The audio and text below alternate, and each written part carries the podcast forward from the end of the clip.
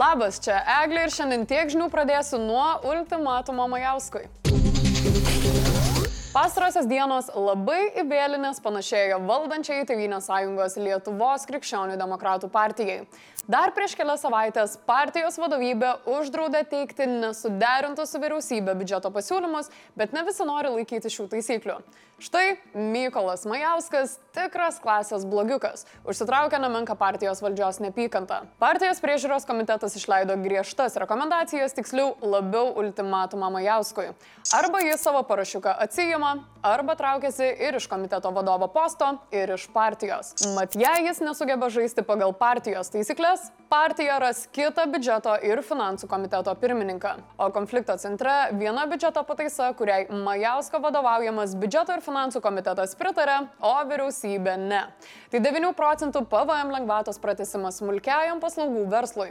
Net keturi neklaužadas konservatoriai pasirašė po šiuo pasiūlymu. Ir oi, kaip netinka tai partijos vadovybei. Majauskas kaip siena stovi už pasiūlytas pataisas. Jo nuomonė, dėl visko biudžete yra sutarimas, išskyrus šioje smulkioje pataisoje. Jis nebejoja, kad ir toliau palaikys šios pasiūlymus, kadangi lengvatos panaikinimas skatintų smulkų į verslą grįžti į šešėlį ir padidintų mokesčių tiesiog nemokėti. Na ir kam konservatoriams priešai, kai yra tokie draugai? Ką daryti Majauskui? Parašykite komentaruose. O daugiau apie nesutarimus partijoje ir kiek yra laisvas Seimo narys, žiūrėkite rytoj, spręskite patys laidoje. Naujuoju Junktinės karalystės premjeru tapo išdo kancleris Ryšis Sunakas, kuris pakeis vos 45 dienas šiose pareigose buvusią Listras. Tai jau trečiasis ministras pirmininkas šiais metais ir pats jauniausias per 200 metų. Ir pirmasis azijietiškos kilmės ir mėgsta žvaigždžių karus. Atsisveikinimo kalboje Lis sakė, kad jai buvo garbė būti ministra pirmininkė ir kad Panašu, kad truputį per drasi buvo. Pastebėjot, nei kropelės atsiprašymo.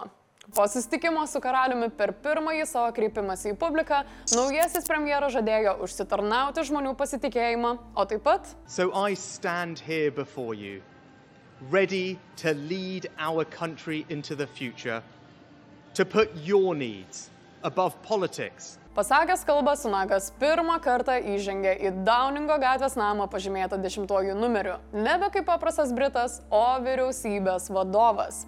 Kas šis 42 metų vyras sugebės pasiekti tokių politinių aukštumų? Pradėkime nuo to, kad Virutis velniškai turtingas politikas. Jo žmona Akšata Murphy, indų milijardieriaus Narjano Murphy dukra.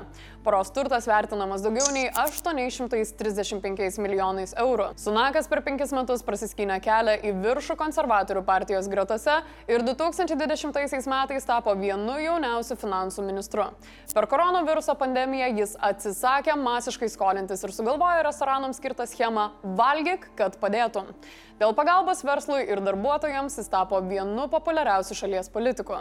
Vasaros kampanijos metu Sunakos daugiausiai dėmesio skyrė Junktinės karalystės ekonomikai, siūlydamas planus, kaip ją išvesti iš krizės. Dabar iš jo tikimasi ekonominio stabilumo, na ir žinoma, torių partijos suvienijimo. Easy peasy tiesa. O kaip bus Ukraina ir pagalba jai? Dar prieš rinkimus Sunakas žadėjo, kad jei taps premjeru, padvigubins šalies pastangas ir sustiprins visapusiškos paramos Ukrainai politiką. Pirmasis jo kaip vyriausybės vadovo vizitas turėtų būti būtent į Kyivą. Svarbu, kad skristų į Ukrainą, o ne iš posto, neišbuvęs nei 50 dienų.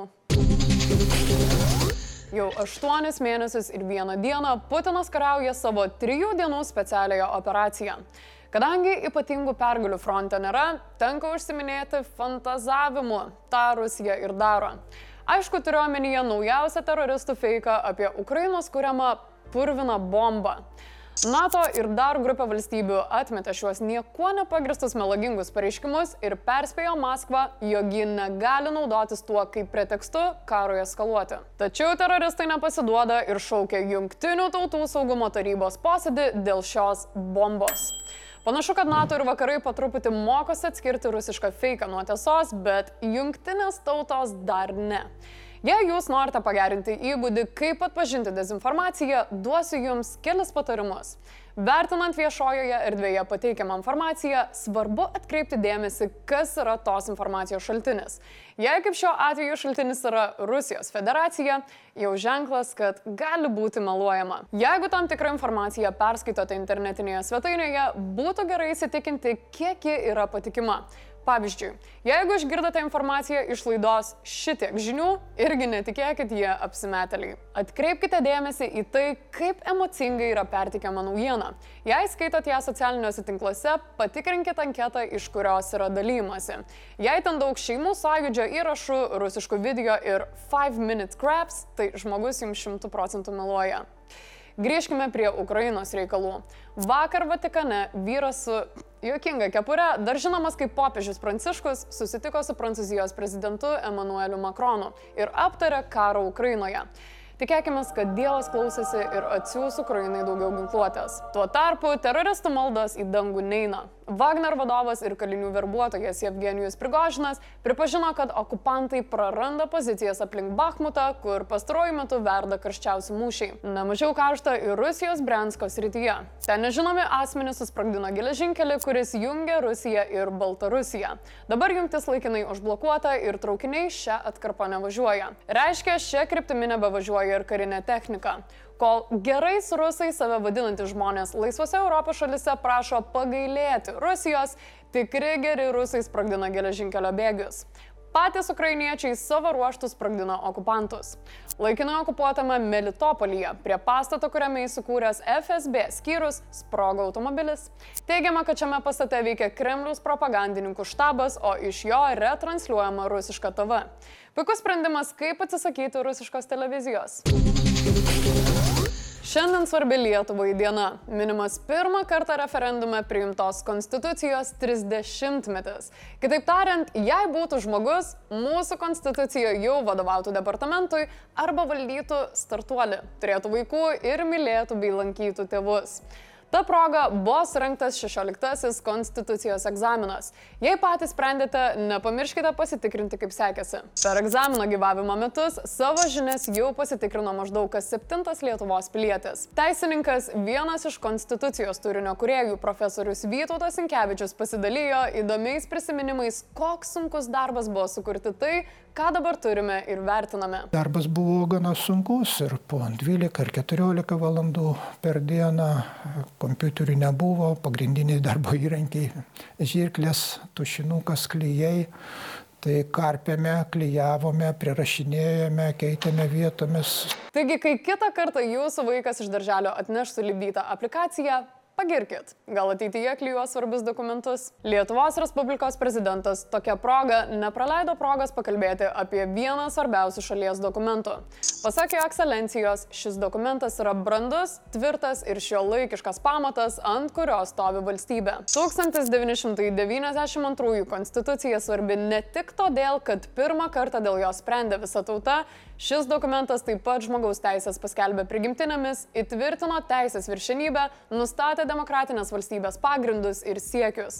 Ar jūs irgi tokie faini ir geri kaip mūsų konstitucija, todėl lankote tėvus? Mm? Nežinau, ar pastebėjote, bet kol kas nei vieno žodelio, kad mūsų konstitucija pavojuje ar kad ją reikia ginti.